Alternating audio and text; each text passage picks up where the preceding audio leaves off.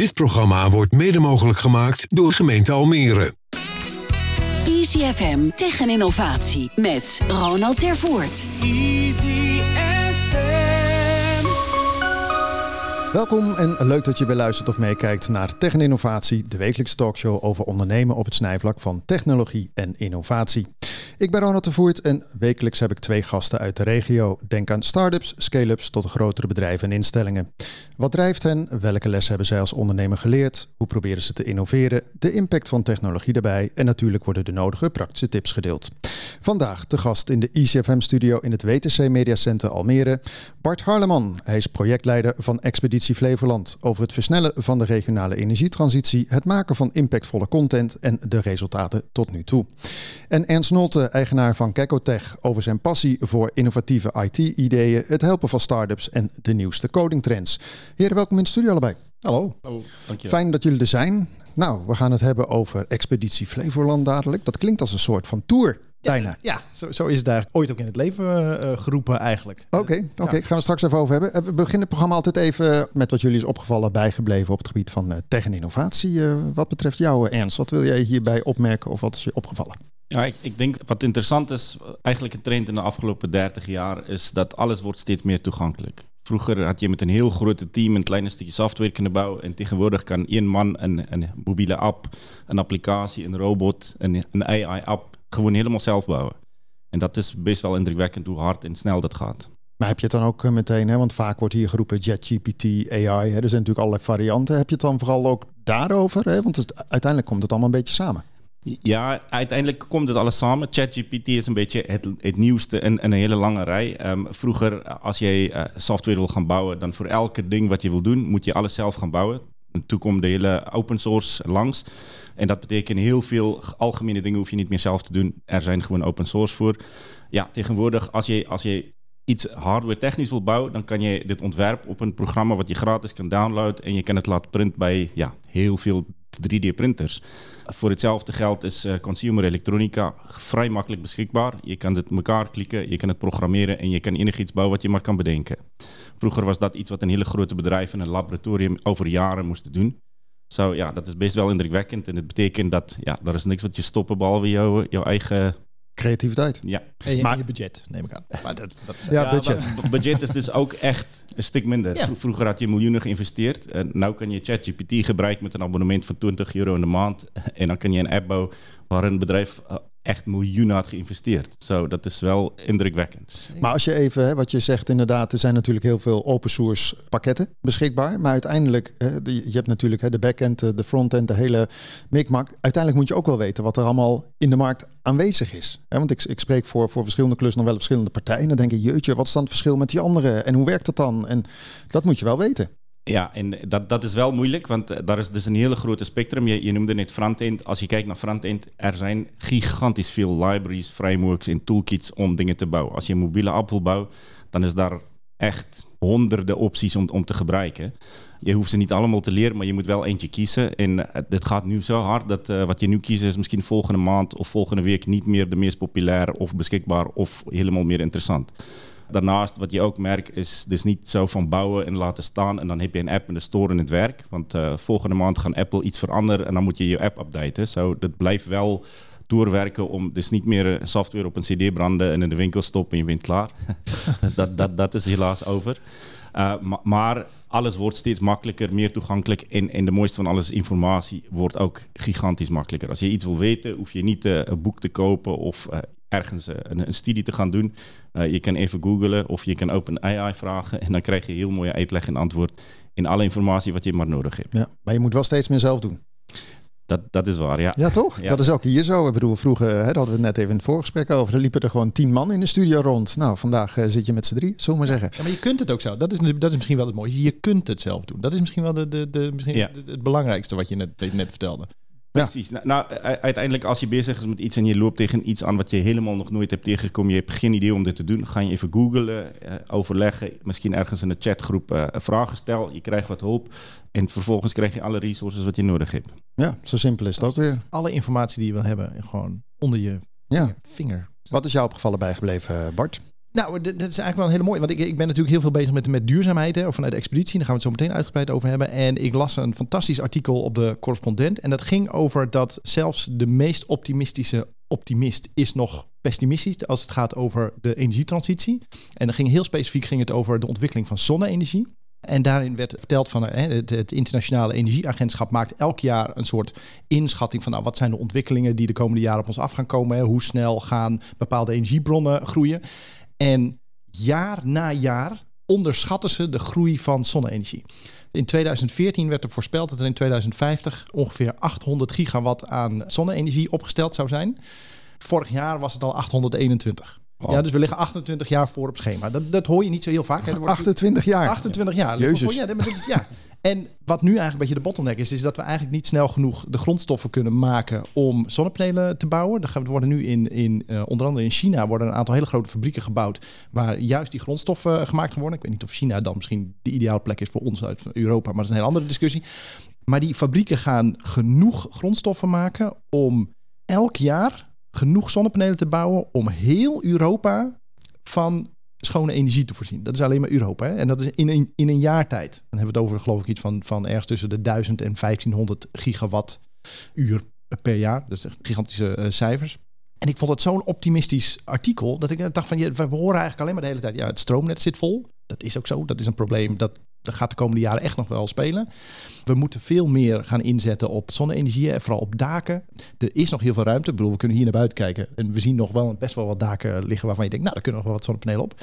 Maar het gaat dus vele malen sneller dan dat wij allemaal denken. Nee, wat heerlijk. Gewoon een positief geluid in deze. Maar, maar, dan even, even een kritische noot ook. Hè? Want ik vind het wel gaaf om te horen wat je zegt. Hè? Maar we hadden onlangs was er een brand. Hè? Wat was het in Arnhem? Helemaal volgelegd met zonnepanelen. Je hebt ook uh, hier in de regio is er eentje met dakpannen. Met, met zonnecellen erin. Ja.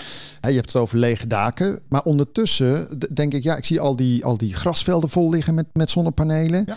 Ja, dat, dat is ook aan de andere kant. Dat ik denk, joh, uh, waar, waar zijn de koeien in de wei? Hè, bedoel... Dat is een hele goede. Dus oh, die heb je ook een oplossing voor. Nee, nee, nee, nou, je, hebt al, je hebt al hele zonnevelden waarbij dus dubbel gebruik gemaakt wordt. Hè. Dus dan heb je, je hebt niet alleen de zonnepanelen op het, op het land staan, maar je kunt er bijvoorbeeld ook nog kruiden onder kweken. Of je kunt er schapen op houden. Want schapen, je wil eigenlijk natuurlijk dat het, het gras wat eronder is, dat dat, nou ja, als je dat moet maaien, dat kost geld. Terwijl als je daar natuurlijk schapen over rond laat lopen en die eten het gras op, ja, dat is een stuk goedkoper. Plus dat je daarnaast nog eens een keer schapen hebt die wol leveren, die uh, uiteindelijk nee, ook nog kunt slachten of die melk leveren. Dan kun je van alles nog mee. Ja. Dus dan heb je een dubbelfunctie voor je, voor je zonnepark. En ik denk dat, dat dat ook is waar we in Nederland veel meer naar moeten kijken. Hier in Flevoland is natuurlijk heel erg de discussie: moeten we landbouwgrond opofferen voor zonnepanelen? Dat is natuurlijk hier hè, inherent. Ik bedoel, dit land is natuurlijk gemaakt om, uh, om, om landbouw op te, op te plegen. Tegelijkertijd, op het moment dat je natuurlijk een dubbelfunctie kunt doen en je voor boeren het mogelijk kunt maken om zowel de groenten te kweken en zonnepanelen te plaatsen, dan denk ik dat je een win-win situatie hebt. Nu hoorde ik wel laatst van uh, een gast hier die ook was, uh, die in uh, zonnepanelen zit voor op daken. Die zei, kijk eens even naar het, het, station hier waar we op uitkijken. Het dak is zwart. Hij zei, dat kost je dus al 25% van je opbrengst als je dat gewoon wit had geschilderd. Ja. Want nu is het warm en die panelen worden warm en die gaan minder lang mee. Maar goed, maar dat zijn dan weer even praktische dingen. Maar wat fijn dat je een hele mooie positieve noten ingooit. Zeker natuurlijk op jouw vakgebied. Want ik, ik, kondigde jou natuurlijk even aan als projectleider hè, van Expeditie Flevoland. als je online kijkt, dan ben je communicatieadviseur bij Lely. Lelystad. Bij provincie Oh, sorry, ja, in Lelystad. Uh, hoe rijm je dat met elkaar? Nou, dat is heel simpel. Er is ooit, en dan heb ik het over, ik denk wel een jaar of vijf geleden, kwam het idee om een soort brede bewustwordingscampagne te starten in Flevoland over, over duurzame energie. En hoe kunnen we mensen bewegen om dus inderdaad die zonnepanelen op het dak te leggen, om hun huis te gaan isoleren. Dat was toen natuurlijk nog toen stroom nog heel goedkoop was. Dus toen was het voor mensen nog niet een, een hele logische stap. Inmiddels is het natuurlijk een hele andere discussie. En het, eigenlijk het eerste wat, wat, wat we toen gedaan hebben, is, is gekeken van ja, maar wat wordt er nu eigenlijk in Flevoland al gedaan om mensen in beweging te krijgen? En dan zie je dat we hebben de gemeentes die hun eigen campagnes hebben. We hebben een, een energieloket. We hebben een, natuur- en milieufederatie die mensen proberen te bewegen tot duurzaam gedrag. We hebben allemaal bedrijven die hier natuurlijk bezig zijn om te zeggen van jongens, wij bieden zonnepanelen aan. Je kunt het bij ons kopen, je kunt bij ons huren. We gaan doen. Woningcorporatie waren al bezig. Dus kortom, er waren allemaal partijen al bezig om de inwoners van Flevoland te bewegen om duurzamer te worden. Ja, wat is dan nog de toegevoegde waarde van nog eens een keer een bewustwordingcampagne eh, erbovenop? Dus toen hebben we bedacht van nou, dan moeten we niet een losse campagne gaan doen, maar kunnen we niet iets verzinnen om eigenlijk al die partijen die bezig zijn om die inwoners en ondernemers van Flevoland te bewegen, kunnen we die niet aan de voorkant wat slimmer aan elkaar koppelen. Zodat je niet krijgt dat bijvoorbeeld een ondernemer van misschien wel tien verschillende partijen te horen krijgt van ja, je moet je bedrijf verduurzamen en wij kunnen je helpen. Ik weet niet of jij dat soort je mailtjes en mailings en weet ik van maar wat dat je dat je komt bij ons en wij helpen je verduurzamen. Maar als er tien mensen tegen jou uh, aan het praten zijn, dan hoor jij geen van de tien. Terwijl als we aan de voorkant die tien partijen bij elkaar kunnen krijgen, kunnen zeggen van joh, als we nu gezamenlijk afspreken van we gaan één boodschap doen. We gaan ook zorgen dat iedereen die we benaderen, dus al die ondernemers of al die inwoners, dat die terecht kunnen bij één plek met hun vragen. He, dat moet je dan even onderling, moet je dat goed met elkaar regelen. En neem bijvoorbeeld een energie-expertisecentrum Flevoland die we hier hebben. Is ideaal geschikt voor, voor vragen van ondernemers. Als je dat allemaal tegelijkertijd dezelfde boodschap zendt, dan overschreeuw je elkaar niet, maar dan wordt het juist één luide boodschap en dan is het veel effectiever. En wat, wat heb je dan vervolgens gedaan? Want het is mooi dat je al die eilandjes bij elkaar brengt. Inderdaad, eh, één punt op de horizon en één boodschap naar buiten. Maar wat ben je toen gaan doen dan? Want jij bent hierin uh, gestart in 2019. Dat is nog net lekker voor de corona. Toen het woord corona nog heel wat anders was, moest je googlen of uh, met ChatGPT opzoeken. Toen was het nog een biertje. ja, precies. De, de, vonden, toen hadden mensen er nog niet zo'n probleem mee. Ja, wat we toen gedaan hebben, is, is toen gedacht van ja we, moeten dus dingen achter de schermen gaan regelen. Dus we moeten met, met mensen, met partijen om tafel gaan zitten. Überhaupt om te kijken van of het idee wat we hebben, of dat iets is wat anderen ook willen. want je kunt wel heel mooi bedenken van ja, we moeten die partijen allemaal bij elkaar krijgen. En we moeten gezamenlijk een boodschap gaan, gaan zenden. Maar als zij allemaal zoiets hebben van ja, maar dat wil ik helemaal niet. Want ik wil gewoon mijn eigen, mijn eigen ding blijven vertellen daar zat hem de eerste de grote uitdaging. En je moet natuurlijk ook eerst heel goed op, op zoek gaan naar, ja, maar wie zijn er nu allemaal in Flevoland actief? Want je hebt wel je eigen netwerk, maar je hebt nooit het totale overzicht. Dus het eerste wat wij gedaan hebben, is studenten van Windersheim de opdracht gegeven, joh, breng nou eens in kaart welke partijen er nu allemaal al zijn in Flevoland die zich bezighouden met duurzame energie, in welke vorm dan ook. En nou, er kwam echt een lijst uit. Ik geloof dat we wel meer dan 100 partijen hadden. En die moet je dan moet je gaan ordenen. Want dan is het van, ja, weet je, deze partijen houden zich bezig met, met zonne-energie. Deze partijen houden zich bezig met windenergie. Deze partijen houden zich bezig met isoleren. Dit, dit zijn echt partijen die zich bezighouden om mensen aan te zetten tot duurzaam gedrag. En dan ook nog eens keer kijken naar, op welke doelgroep richten ze zich. Hè? Richten ze zich op ondernemers, richten ze zich op huiseigenaren, richten ze zich op huurders. Um, en als je dat dan allemaal in kaart gaat brengen, dan krijg je dus eigenlijk krijg je allemaal een soort clusters van verschillende partijen die zich bezighouden met verschillende doelgroepen. Want we wilden echt wel uitgaan van de doelgroep. En dan ga je ook nog eens een keer kijken, ja, wie van al die partijen wordt bijvoorbeeld de doelgroep gezien als de meest betrouwbare afzender? Is dat de overheid? Is dat bijvoorbeeld misschien wel een commerciële partij? Is dat, is dat uh, het energieloket? Ik noem maar wat op het moment dat je dat zeg maar scherp hebt, dan kun je dus met elkaar op tafel gaan zitten en zeggen: jongens, dit is de situatie zoals het is. We willen allemaal deze, deze doelgroep willen met beweging krijgen. Maar als we allemaal door elkaar heen gaan schreeuwen, dan gaan ze gewoon niks doen. Dat zie je heel erg bij ondernemers. Zie je dat? Die weten gewoon echt op een gegeven moment niet meer van. Die kregen natuurlijk te horen van ja, je moet, je moet 1 januari 2023 moet je, moet je label C hebben voor je bedrijf. Nou, wij kunnen je daarbij helpen. Maar dan is het weer een commerciële partij. Dan is het weer het energieloket. Dan is maar wat heb je uiteindelijk gedaan dan? Uiteindelijk dus in de eerste dus een, heleboel gesprekken gevoerd. Ja, nee, dat snap ik. Dat is, uh, dat, dat, daar benijden we die niet om, denk ik. En dan, toch? En dan, is, het, en dan is het eigenlijk het meest, het meest frustrerende is dus dat je, dat je dan best wel partijen hebt aan tafel die dan zeggen: ja, dat, nou, dat willen we, dat vinden we een goed idee. Dat gaan we doen. Hè? Dus bijvoorbeeld richting bedrijven en, en, en, en ondernemingen was het echt zo van: oké, dus de gemeentes en de VNO-NCW en de omgevingsdienst, die hadden allemaal van: joh, wij willen allemaal die ondernemer bereiken. Dat moeten we samen doen. Prima. Dus dan hebben we een heel plan gemaakt van: oké, maar hoe kunnen we dat dan zo doen dat we samenwerken, dat we een gezamenlijke boodschap hebben, dat we allemaal terugverwijzen naar één partij waar mensen met hun vraag terecht kunnen. En dan kunnen je, en als jullie dat, je kunt ervoor kiezen om het gezamenlijk te verzenden. Dus je doet gewoon één boodschappen. Of dat nou een brief is of een mail of whatever. Of een hele campagne. Maar je doet het richting die ene doelgroep en dan doen we het gezamenlijk. En dan wordt het ook nog eens een keer een gezamenlijke boodschap. Iedereen is dan enthousiast, maar waar loopt het dan op stuk? Is dat ja, op een gegeven moment, het moet wel, het moet ook betaald worden. En het moet ook, mensen moeten ook de uren voor gaan inzetten. En dat is zeg maar de grootste hobbel waar je overheen moet. En daar merkten we van, nou, daar lopen we in het begin even, even tegenaan. En mensen, en mensen hebben ook behoefte aan dat het tastbaar wordt, dat ze snappen wat we bedoelen. Toen zijn we begonnen met de energietour.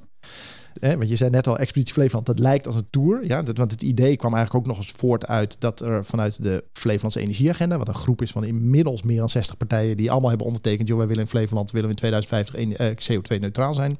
We gaan daar kennis eh, uitwisselen, we gaan met elkaar gaan we, gaan we helpen. Die deden altijd een fysieke Dus we stopten gewoon mensen in een bus en dan gingen we hier door Flevoland en dan gingen we naar Urk, want er zat ook zo'n bedrijf wat, uh, wat zonnepanelen maakte in dakpannen. En uh, dan gingen we naar Zeewolde en weet ik veel, gingen we bij bedrijven kijken om inspiratie op te doen. ja, toen kwam corona. Toen kon dat natuurlijk niet meer. We mochten niet meer bij elkaar in de bus zitten. En toen dachten we, ja, en een bus is natuurlijk heel beperkt. Want je kunt eens een keer 50 mensen meenemen. Nou, en je zit in de ruimte. Maar hoe kunnen we dan al die duurzame initiatieven die er zijn in Flevoland... dan toch een soort podium geven? Dus dan hebben we die energietour hebben we eigenlijk opgezet... Waarbij wij gewoon gezegd hebben, joh, wij nemen eigenlijk gewoon alle ondernemers en alle inwoners van Flevoland nemen wij mee in een virtuele bus. De eerste heette ook de virtuele bustour. En dan gaan wij langs een aantal duurzame initiatieven in Flevoland. Dat werd een livestream. En dan kunnen mensen daar dus, kunnen ze zien wat er gebeurt. En het, het, het, het idee is namelijk altijd, als ik zie dat, hè, stel dat jij zit met een groep IT, uh, ik kijk nu ernst even aan, het, eh, als ik, eh, eh, jij zit met een groep IT-ondernemers, zit jij, werk jij samen en je ziet dat een van die ondernemers op een hele slimme, simpele manier zijn bedrijf kan verduurzamen, dan denk ik, ja, als hij het kan, kan ik het ook. Dus het, het, het, het voorbeeld van iemand met wie je kunt identificeren, dat helpt om de volgende stap, de volgende stap te kunnen zetten. Dus dat hebben we geprobeerd om te, om te doen. En het leuke daarvan is, is dat we in eerste instantie staken we het heel erg in vanuit energie. Dus het ging over verrijdbare zonnepanelen. Het ging over een sportvereniging in Mark Nessen, die samen met al haar leden zeg maar, de hele, eh, het, het, het sportpark verduurzaamd had. Maar er zat ook Bram Bernhard, de rooskweker uit eh Luttelgeest, zeg ik even uit mijn hoofd, die een geothermie-installatie geplaatst heeft ter waarde van 25 miljoen. Ik weet niet wanneer jullie voor het laatst 25 miljoen hadden, maar bij mij is dat weer enige tijd geleden. Ja. Eh, eh, en het, leuke is dat, dat iedereen was heel enthousiast over die tour. En we hadden daar ook nog weer na afloop weer met studenten over. Die zeiden, maar wat, wij, ons- wat ons het meest aansprak wa- was die sportvereniging. Want wij, zitten, wij zijn of allemaal lid van de sportvereniging, of dit zit een sportvereniging bij ons op de hoek. En dat, is- dat is een, een, een voorbeeld wat ons aanspreekt. En die rozenkweker, hartstikke tof dat hij het doet. Maar het is zo groot en het is zo ver van ons bed. Dat, dat, daar kunnen we ons niet mee identificeren. En toen hebben we gedacht, een beetje in het, in het kader van design thinking. Van we beginnen gewoon. En alles wat niet werkt, dat hakken we eruit. En dan gaan we verder met de dingen die wel, wel werken. Dus we hebben steeds meer ingezoomd op hoe kunnen we zo dicht mogelijk bij het dagelijks leven van een Flevolandse ondernemer of een Flevolandse inwoner komen. Nou ja, en dan krijg je dus hele, krijg je dus hele andere insteken. Want dan ga je dus met eh, flavorbox ga je dan eh, hebben. Dan gaat het over voedsel, over duurzaam voedsel hier uit de Maar uiteindelijk, hè, want je zegt net, je bent die tour, ben je eerst digitaal gaan doen. Ja. Nou ja, goed, corona kwam eraan, kon je sowieso natuurlijk niet zoveel. Maar ik zag op een gegeven moment ook gewoon eh, shows ter plekke. Een soort van tv-programma. Klopt. Ja, Want daar wilde ik even naartoe. Want, want dan doe je eigenlijk hetzelfde, maar dan haalde je de mensen dus bij elkaar. Ja, dat klopt. Ja, ja en, de- en toen was het wel echt dat we, dat we ook wilden dat er, zeg maar, in die uitzending kun je het eigenlijk noemen, dat, daar, dat je daar ook inderdaad echt zag van niet alleen maar van wat er gebeurt, maar dat je ook nog mensen even de, de kans gaf om uit te leggen van hoe ze het dan gedaan hadden. En vooral met, met wie. Hè? Want we wilden eigenlijk ook laten zien van er is niemand die bezig is met verduurzamen en die het helemaal in zijn eentje doet. Net gaf jij, in, kijk weer ernst aan, je gaf net aan van er is nu zoveel techniek en je kunt heel veel dingen alleen doen. Het, het idee achter verduurzamen is juist dat je, dat je het volgens mij niet alleen moet doen. Ja, dat je dus altijd moet zorgen dat je het samen met anderen doet. Omdat je, als je het alleen doet, ja, dan eh, eh, alleen ben je sneller, maar samen kom je verder. Dat is echt de, de onderliggende gedachte geweest van de, van de expeditie. Van laten we vooral zien hoe het in samenwerking is en bij wie je kunt aankloppen als jij denkt van ja, ik vond- vind dat een goed idee en daar wil ik mee verder. En bij wie moet ik dan zijn? Maar uiteindelijk, hè, als je dan kijkt vandaag de dag, eh, heel veel dingen gebeuren digitaal, hè, social media. Dus je had dat programma, zal ik maar zeggen. Heb je dat dan vervolgens heel erg lopen opknippen en lopen verspreiden via Ja. de socials? Ja, en het idee was altijd alle content die we maken voor de energietour maken we niet specifiek voor de energietour, maar maken we zo dat degene die we, eh, hè, dus de- het initiatief wat we in beeld brachten, alle partners die bij, daarbij betrokken waren, dat die die content gewoon, die kregen ze gewoon en ga het vooral ook delen. Want het kanaal alleen van de expeditie is beperkt, maar op het moment dat je, dat, dat je diezelfde content via 15, 20 verschillende kanalen gaat delen, dan eh, heb je bereik. Hey, en Dat wat, wat werkt dan goed, zal ik maar zeggen? Want we hebben natuurlijk allemaal Insta, Facebook, eh, LinkedIn. Uh, Kan je daar eens een eh, tipje van op Dat eh, varieert dus heel erg. Dus wat we dus merkten, dat bijvoorbeeld de Noordoostpolder is dus Facebook werkt heel goed. En eh, LinkedIn is natuurlijk sowieso voor ondernemers eh, een, een ideaal platform. Ik bedoel, die ga je niet bereiken via Instagram of via Facebook. Dat doen ze wel in hun vrije tijd. Maar LinkedIn gebruikt natuurlijk heel. Dus dan kun je heel goed gericht kun je daar eh, je, je ondernemers bereiken. Zeker met partijen als, als Horizon en met, eh, met eh, het Energie Expertise Centrum.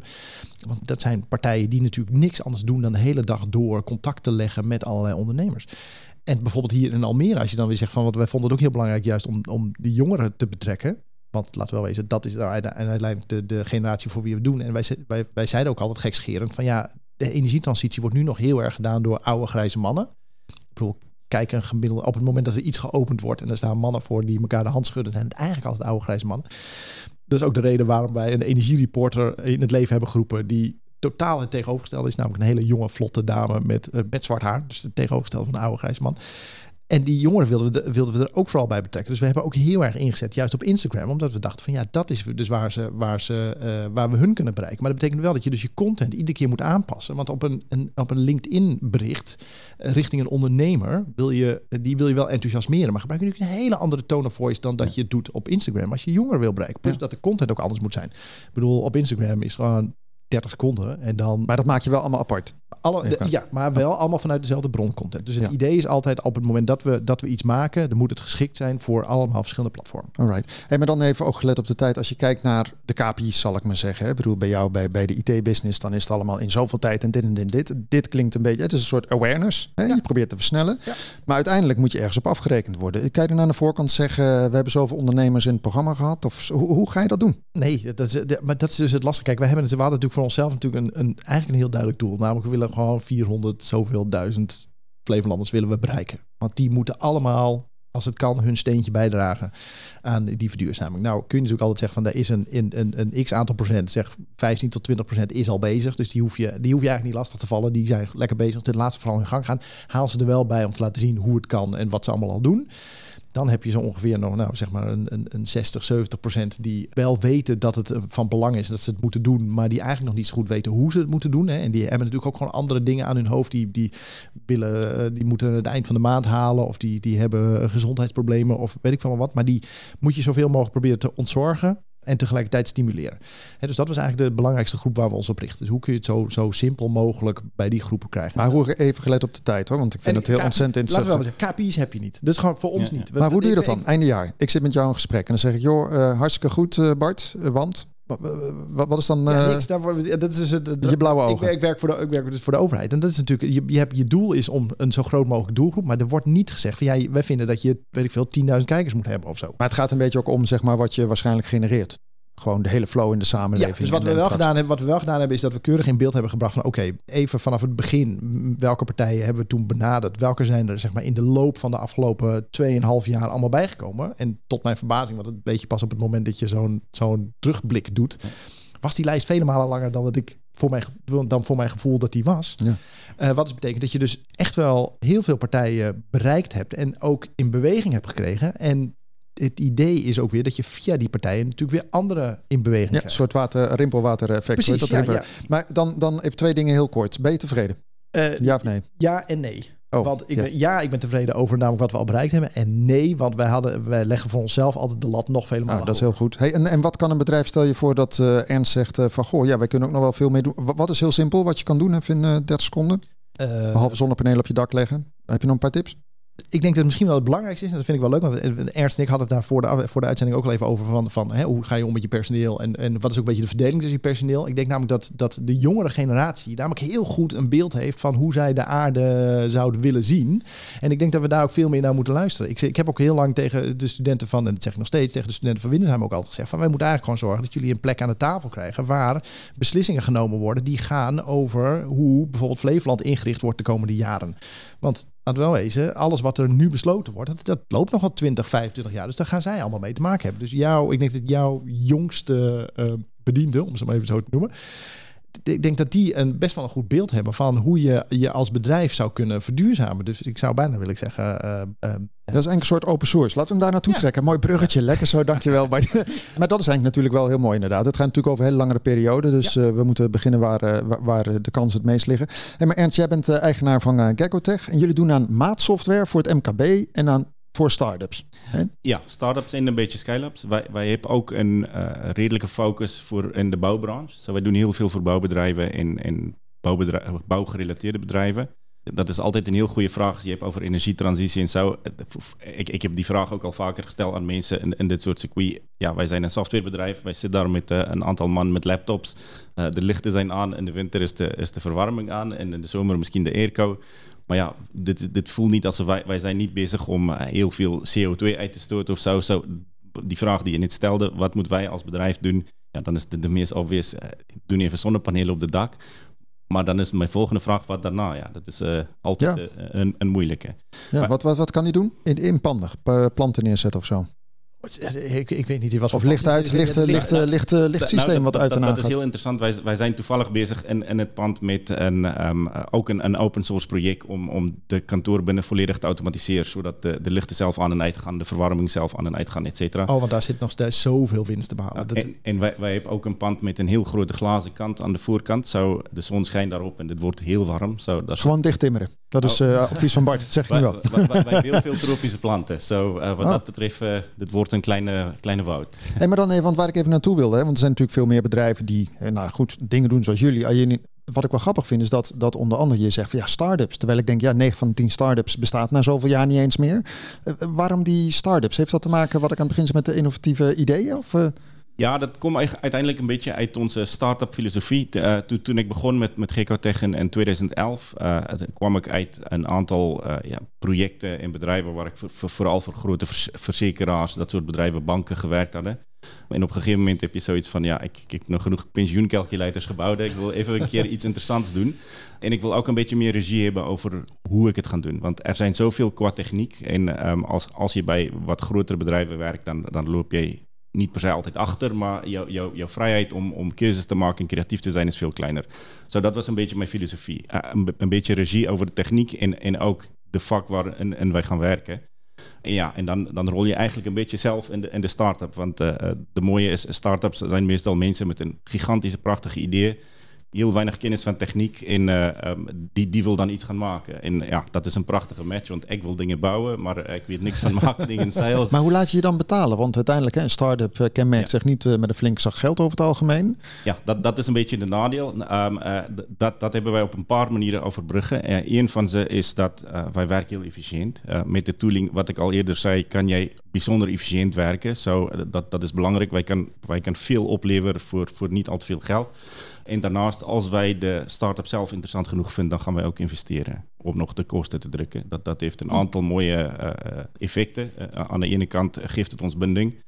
Uh, de succes van onze klant is onze succes. Het is niet meer eigenlijk een klant-leverancier-leveratie uh, uh, situatie, maar wij werken gewoon met elkaar. Zo ja, dat, dat, dat scheelt op, op veel niveaus. Ja, eigenlijk hoe moeilijker, hoe leuker jij het vindt, krijg ik het idee. Ja, technisch. Hoe, hoe, uh, wij hebben een aantal projecten wat bij ons gekomen is omdat uh, de, de klant uiteindelijk niemand kon vinden die dat doen, want zij zegt dat is niet te doen. Uh, ja, dat is de misleukste. Ja, ik zie je helemaal glinsteren. maar, maar, maar weet dat, uh, we hadden het net even over codeertalen. Dat, uh, dat stipt je al even aan. Wat is dan tegenwoordig hip en happening? Want ik heb ooit wel eens in een bedrijf gewerkt en dat was het Ruby, geloof ik. En toen hadden we het af. Het was het inderdaad, nee, dat is alweer een beetje passé. Toen dacht ik, mijn god jongens, je blijft maar bezig om die website te herbouwen. Wat zijn de trends? Ja, dat is heel moeilijk. Er zijn heel veel trends. Wat je merkt is, uh, Java is, uh, is nog een van de grote back-end talen. Is nog heel populair. Er zijn heel veel verschillende frameworks, et cetera. Je hebt ook de hele um, Microsoft C-Sharp.net. je hebt ook PHP aan de back-end. So, dit zijn een beetje drie stromen waar, waar een beetje zijn eigen niche hebben. Vrij recent, ja, als ik zeg vrij recent, is ook al bijna tien jaar lang, is, een, is een nieuwe taal ontwikkeld, Rust. Dat, dat wordt heel populair. Dit is de taal wat um, volgens de Stack Overflow uh, enquête, wat ieder jaar uitgevoerd wordt, is de laatste acht jaar is de meest geliefde taal. Maar is dat, waar, waarom is dat? Um, dat is een heel, heel lange technische Nee, nee, maar het is, op een gegeven moment had je zo'n trend in uh, Cordeerland volgens mij dat het een soort uh, drag and drop was. Hè? Dat je gewoon uh, zelfs Bart en ik konden een website bouwen. Nou ja, goed, dat is een beetje misschien heel opportunistisch, maar goed, we houden van optimisme. Ja, nou, nou die drag and drop wat je, wat je omschrijft, dat is, zij noemen dat low code, no code. dat, dat is ook vrij belangrijk en, en steeds meer opkomend. De laatste paar jaar worden er, worden er steeds meer partijen die dat bieden. Het idee daarachter is dat software developers is bijzonder schaars. Dat is moeilijk te vinden mm -hmm. en, en het kost heel veel geld om software te bouwen. Als je tools kan maken waarbij mensen hun eigen software in elkaar kan klikken, dan heb je natuurlijk een gigantische voordeel. Als iemand ja, een soort Lego. Is, ja, precies. Ja, ja, dat is uiteindelijk het probleem met Lego is je kan alleen maar dingen bouwen wat uh, de bakstenen toelaat om te bouwen. Zo, er zitten beperkingen in, maar voor heel veel business problematiek is dat een heel goede oplossing. Zo, dat, dat is iets wat steeds uh, beter wordt, maar uiteindelijk dat tool moet ook gebouwd worden door de software developers. Um, jij krijgt dat verdeling dat mensen gebruiken tools om dingen te bouwen en je krijgt die mensen die echt uh, programmeertalen gebruiken om de tools te bouwen om dingen te bouwen. Je had het net eventjes ook over, hadden we het over ChatGPT, AI, eh, Rust. Klinkt trouwens al wel heel relaxed, hè, Rust. Ja, zeker. Rust. Ja. Waarschijnlijk is het een totaal andere language, maar goed. Maar eh, heeft dat... roest, roest in het Engels. Roest? Oh, dan gaat het roesten. Oh ja, dan moet je het uh, tactileren, hoe heet dat ook weer. Maar het is, heeft het te maken met dat kunstmatige intelligentie ook opkomt, dat zo'n rust ook populair wordt? Ik, ik... Uh, nee, die twee heeft eigenlijk niet zo heel veel met elkaar te maken. Met AI heb je tegenwoordig wel heel veel uh, voordelen om je te helpen om te versneld, versneld te programmeren. Uh, je, je, krijgt een, een GitHub tool, die, die het Copilot.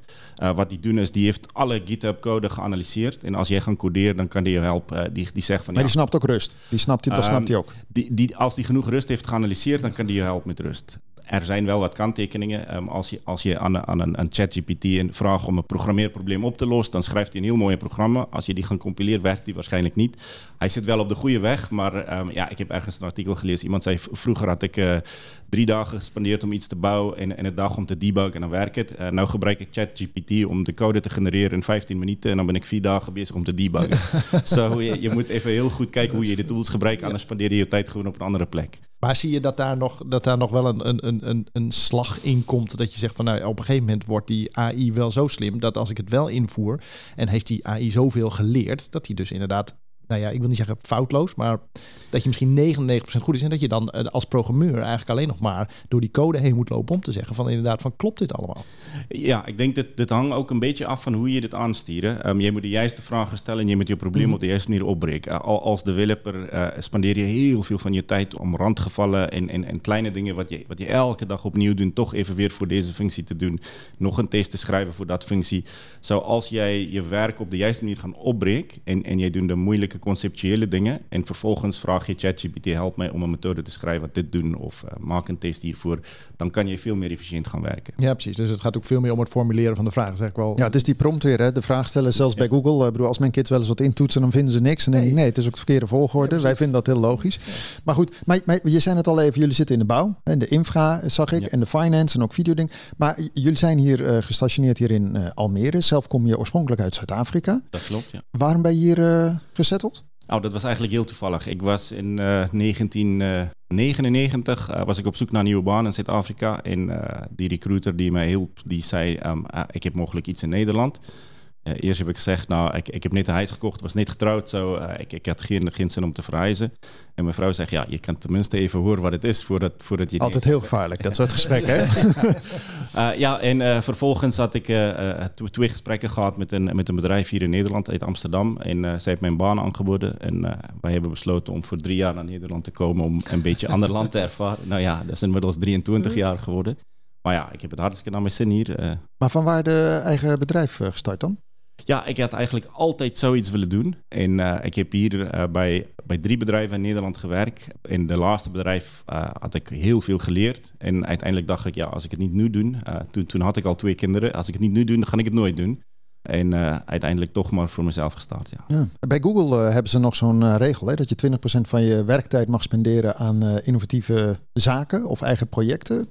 Doen jullie dat ook? Uh, wij proberen dat te doen. Wij zijn wel wat beperkt in een budget. Als je bij Google uitwerkt wat is de omzet per werknemer, dan heeft zij de ruimte om dat te doen. Wij, wij hebben wat minder ruimte, maar wij proberen het wel te stimuleren. Wij, wij hebben ook een, een eigen interne technical incubator programma. Als iemand komt met een, met een goed idee, wat, wat echt iets kan worden, dan gaan wij daar ook tijd en ruimte voor maken. En we gaan ook iemand helpen. Want uh, wat ik heb geleerd is, alleen maar de technische kennis maakt niet een succesvolle product. Daar komt veel meer bij kijken. En wij hebben al eigenlijk een, een, een tweede bedrijf opgericht met een van de werknemers, wat ook dan aandeelhouder daarvan is. En uh, ja, dat, dat werkt best goed. En uh, Zuid-Afrika, want uh, 23 jaar later zit, zit, je hier, hè, zal ik maar zeggen. Ja. Maar uiteindelijk is daar ook heel veel business te doen. longt dat niet voor jou dan? Ja, wij hadden ooit een kantoor in Zuid-Afrika gehad, in Kaapstad. dat, dat ging prima. Maar um, wat je merkt is, wij hebben uiteindelijk dezelfde problematiek hier als daar. Het is heel moeilijk om mensen te vinden. Um, het is heel moeilijk om mensen aan te sturen.